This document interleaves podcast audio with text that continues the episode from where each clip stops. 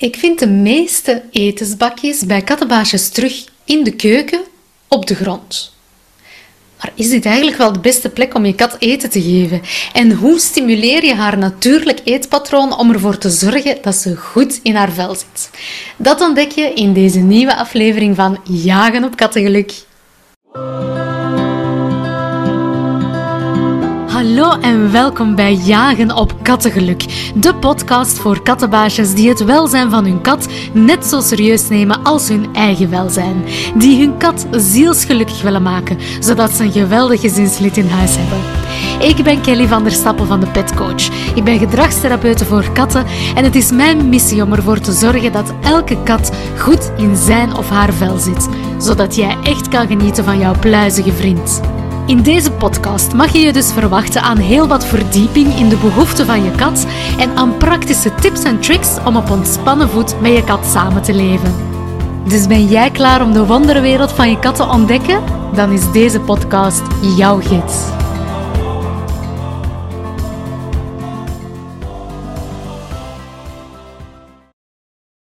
Bij de meeste kattenbaasjes waar ik over de vloer kom, staat het etensbakje op de grond in de keuken.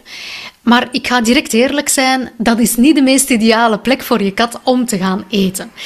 En waarom is dat niet? Wel, daarvoor duiken we weer even heel kort terug in die voorgeschiedenis van onze huiskatten.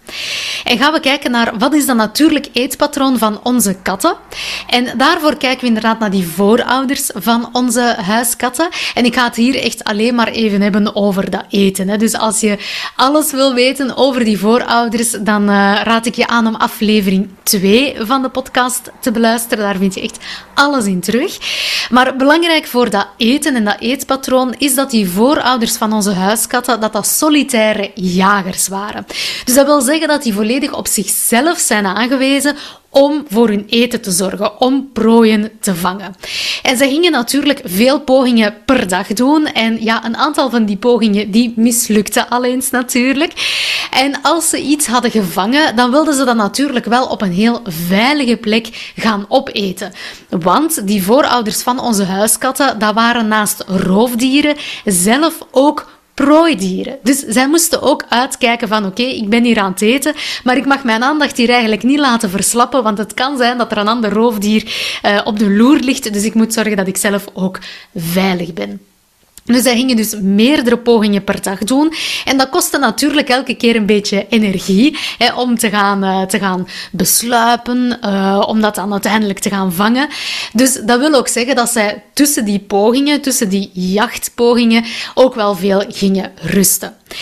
En dat is belangrijk als achtergrondinformatie om te weten, om ook te gaan kijken voor jouw huiskat van oké, hoe kan ik nu ervoor zorgen dat haar natuurlijk eetpatroon zoveel mogelijk gestimuleerd wordt hier in haar leefomgeving, hier bij mij. En we gaan naar een aantal dingen kijken. We gaan kijken van, oké, wat is nu de beste locatie om uh, haar eten te geven? Um, hoe bied je dat het beste aan? Wat zijn goede kommetjes of niet? Uh, op welke plaatsen? Hoeveel moet ik daarvoor zien? En zo verder. Dat gaan we allemaal in deze aflevering verder bekijken. Maar laat ik beginnen met die locatie. Waar bied je nu best dat eten van je kat aan? Wel, op de grond, is meestal niet zo'n heel veilige locatie. Dat kan, hè. wij zijn dat gewoon. Hè. Ik bedoel, dat zie je overal, dat zie je in films, dat zie je in de media, in reclame, noem maar op. Die kat die eet gewoon lekker op de grond. En dat kan uiteraard, hè. maar het is natuurlijk voor, uh, voor katten veel fijner om op een hoogte te eten, omdat ze zich op een hoogte meestal veiliger voelen. Als ze op een hoogte zitten, kunnen ze makkelijker hun omgeving in het oog houden om te speuren naar mogelijk gevaar. Dus als je kan, probeer ook eten in de hoogte te plaatsen. Zet dat ook op een rustige plaats en niet waar dat continu heel veel volk passeert, want dat gaat daar natuurlijk ook wel wat stress geven of dan gaan ze misschien niet helemaal op haar gemak zitten. Dus daarom dat zo de keuken meestal een iets drukkere plaats, hè, waar dan wel wat passage is. Uh, niet zo'n ideale locatie misschien is en op de grond misschien ook niet. Dus als je kan, liever in de hoogte en liever op een rustige plaats waar dat ze weet, hier ben ik volledig veilig, hier kan ik op mijn gemakske een beetje gaan eten. Plaats dat eten ook liefst niet naast het water. Je hebt misschien de vorige aflevering over het drinken al beluisterd. Daarin hebben we dat eh, ook uh, besproken. Maar liefst dat eten niet naast het water. Ik weet het, dat is ook weer zoiets dat, uh, dat aangeboden wordt, dat je in reclame allemaal ziet, of op tv of op social media. maar ja, dat is eigenlijk niet echt het natuurlijk gedrag van die kat. Um, maar ja, we weten dat vaak niet. Hè? Omdat ook als je naar de dierenwinkel gaat, zie je daar altijd mooi van die setjes. Hè?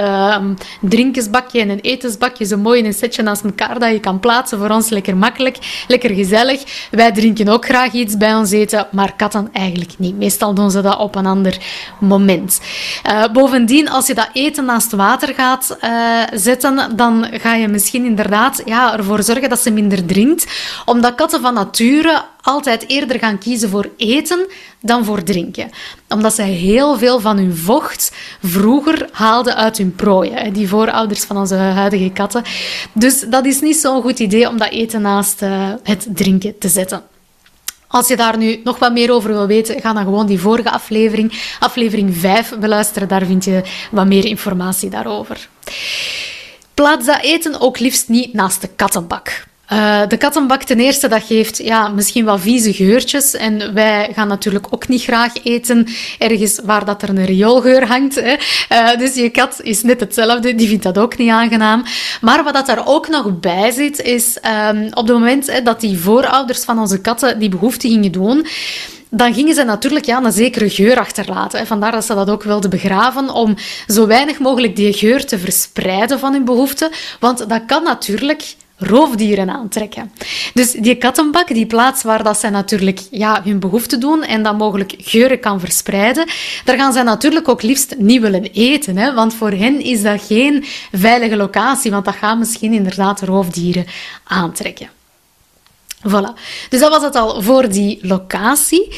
Nu, als we gaan kijken naar de uh, kommetjes, um, wel, daar is het vooral ook belangrijk dat je gaat kijken van oké, uh, die kommetjes, zijn die ook breed genoeg dat hun snorharen niet continu uh, de rand raken? Want dat vinden de meeste katten niet zo heel fijn, omdat hun snorharen ook heel gevoelig zijn. Hè. Zij zien daarmee in het donker, om het zo maar te zeggen. Hè. Zij, zij kunnen voelen van oké, um, is dat hier veilig of kom ik iets tegen als ze het niet goed uh, moesten zien.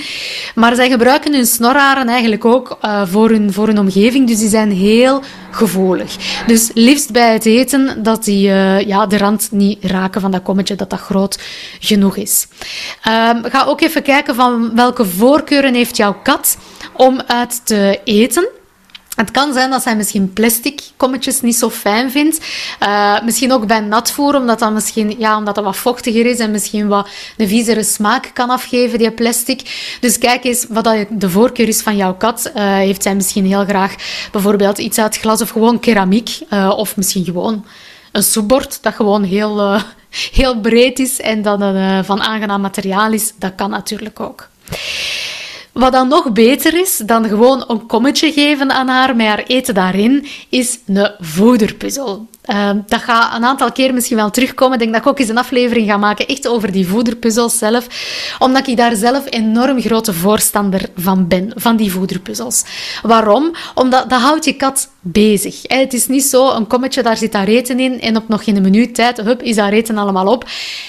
En dan is eigenlijk de activiteit voor de dag gedaan. Of misschien dat ze dan s'avonds dan nog eens een keer heeft. Um, maar een voederpuzzel, dat houdt haar bezig.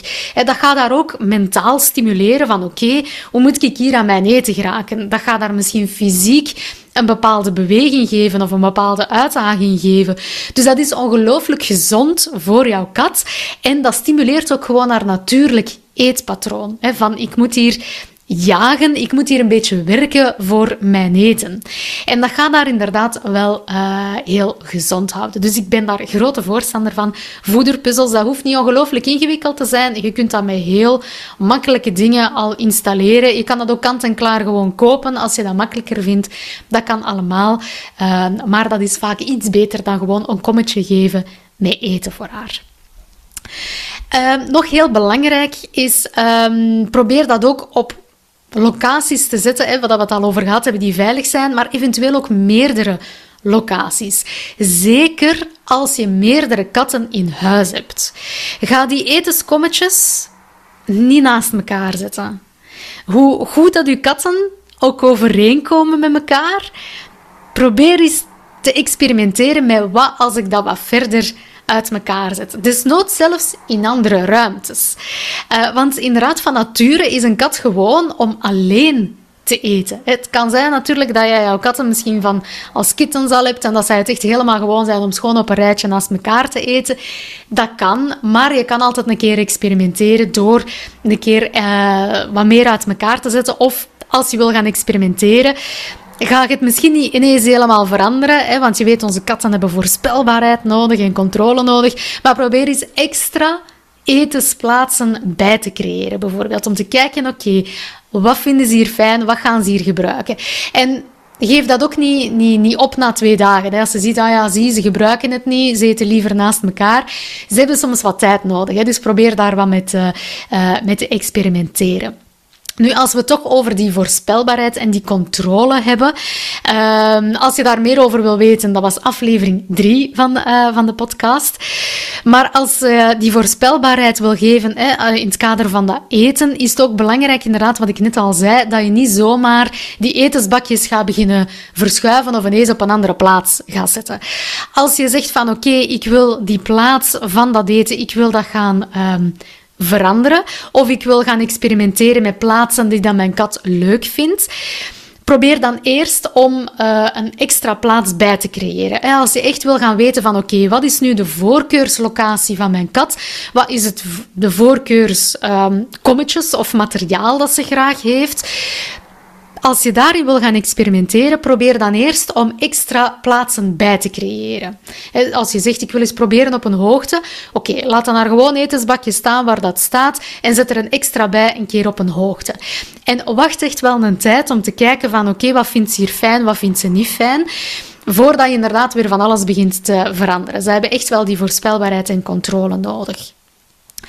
Als je zegt van oké, um, ik, vind het, ik wil eigenlijk de, het etensbakje uh, gaan opschuiven naar een andere uh, plaats, doe dat dan ook niet in één dag. Hè. Zeg niet van hier etensbakje vanuit de keuken, hup, ineens naar de woonkamer, bijvoorbeeld, hè, ik zeg maar iets. wat dan gaat zij in de war zijn, hè, want zij weet ik vind mijn eten daar. En dat geeft haar ongelooflijke rust om te weten, mijn eten is altijd daar beschikbaar. Als je dat ineens gaat veranderen, ja, dan gaat ze ongelooflijk veel stress ervaren, want ze gaat op zoek moeten naar waar is mijn eten en ze voelt zich daar niet veilig bij, dat ze dat niet weet. Dus probeer dat, als je echt wil gaan opschuiven, probeer dat echt ja, bijna centimeter per centimeter te doen. Dat je bijvoorbeeld elke dag een centimeter opschuift, zodanig dat ze het eigenlijk niet echt doorheeft. Uh, dat is voor haar fijner, plezanter, omdat zij echt gewoon weet, dat is mijn locatie en dat ze eigenlijk bijna niet doorheeft van oké, het schuift hier uh, op. En hou je kat sowieso altijd in het oog. Hè. Als je merkt op een gegeven moment van oeh, ze heeft wat stress, ze zit hier niet op haar gemak te eten, ja, ga dan een beetje terug of zo. Hè? Of ga één stapje terug uh, totdat ze echt weer helemaal gerust is.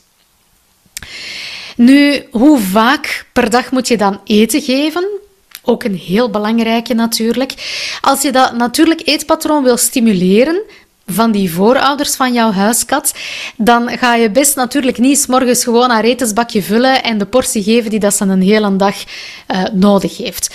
Want het kan zijn dat jij een kat hebt die gewoon die portie in één keer helemaal gaat opeten en dan heeft ze gewoon de rest van een dag niks niet meer. En dat is natuurlijk niet goed voor haar mentale gezondheid, maar ook niet voor haar fysieke gezondheid, want haar natuurlijk gedrag zegt daarvan, ik ga meerdere keren per dag iets kleins eten. Want dat was dan natuurlijk eetpatroon van die voorouders. Meerdere keren per dag gaan jagen. En meestal vingen zij maar een klein prooi, een kleine muis bijvoorbeeld. Dus zij, dat zit instinctief in hen om meerdere keren per dag in kleine porties te eten. Dus probeer dat ook te stimuleren. Ja. Um, wees daar creatief in. Als je zegt, ik kan dat zelf niet, uh, niet doen, hè, ik kan zelf maar één keer per dag geven, probeer dan eens te kijken of dat je kan werken met voederpuzzels, waarbij dat ze misschien meerdere keren aan de dag, uh, meerdere keren per dag, beter gezegd, aan de slag gaat met dat eten. En dan kan je eventueel wel haar portie voor die dag in die voederpuzzel leggen en gaan ze misschien vier of vijf keer per dag aan die voederpuzzel bezig zijn voordat hij helemaal op is. Dat kan.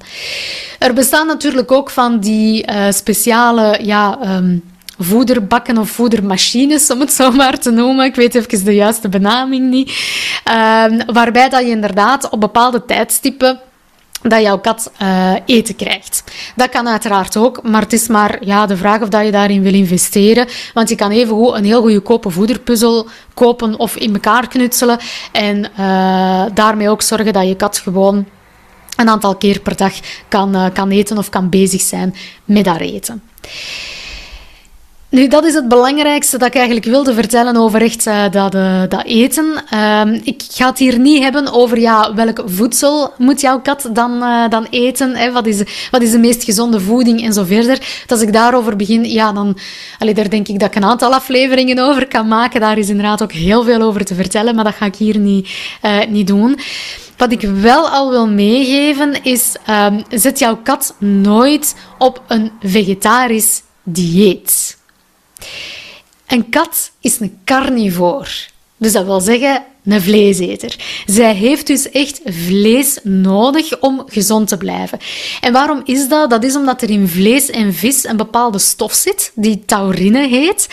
En dat heeft jouw kat gewoon nodig om gezond te zijn. Dus als je haar op een vegetarisch dieet zet, met, uh, zonder vlees, zonder uh, vis en alleen maar, maar groenten en, en, en andere, uh, misschien wel eieren en zo. Maar dat is eigenlijk niet oké. Dat is niet wat jouw kat nodig heeft. Jouw kat heeft echt vlees en of vis nodig voor die taurine. Voilà, dat wou ik toch nog even meegeven ehm, in deze aflevering over dat eten. Dus heel kort samengevat. Probeer een keer inderdaad te kijken van oké, waar staan de etensbakjes nu, of het etensbakje nu. Uh, probeer eens te kijken, is dat een goede locatie of niet? En probeer dan natuurlijk uh, eetgedrag in haar dagelijkse uh, patroon te brengen. Dus meerdere keren per dag kleinere porties eten. Je kan haar bezighouden met een voederpuzzel daarvoor. Kijk die locaties, waar staat dat eten of die voederpuzzel. Uh, misschien kan je het in de hoogte zetten voor een extra veilig gevoel of op een plek waar dat er minder passage is. En zeker niet naast uh, het water of naast de kattenbak, want dat gaan ze helemaal niet zo, niet zo fijn vinden. En zorg dat je zeker genoeg um, bakjes in huis hebt, zodanig, zeker als je meerdere katten hebt, dat ze niet moeten gaan vechten voor elkaar zitten of dat ze niet met elkaar zitten, ervan doorgaan. En als je iets wil gaan veranderen, doe dat dan heel langzaam aan of zet er iets bij en geef haar keuze. Voilà, dat is wat ik jou hierover wilde vertellen.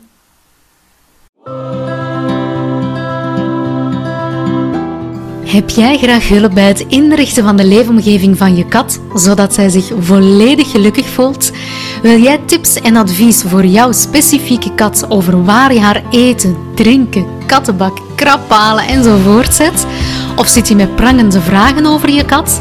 Wel, dan kan je een online gesprek met mij inboeken.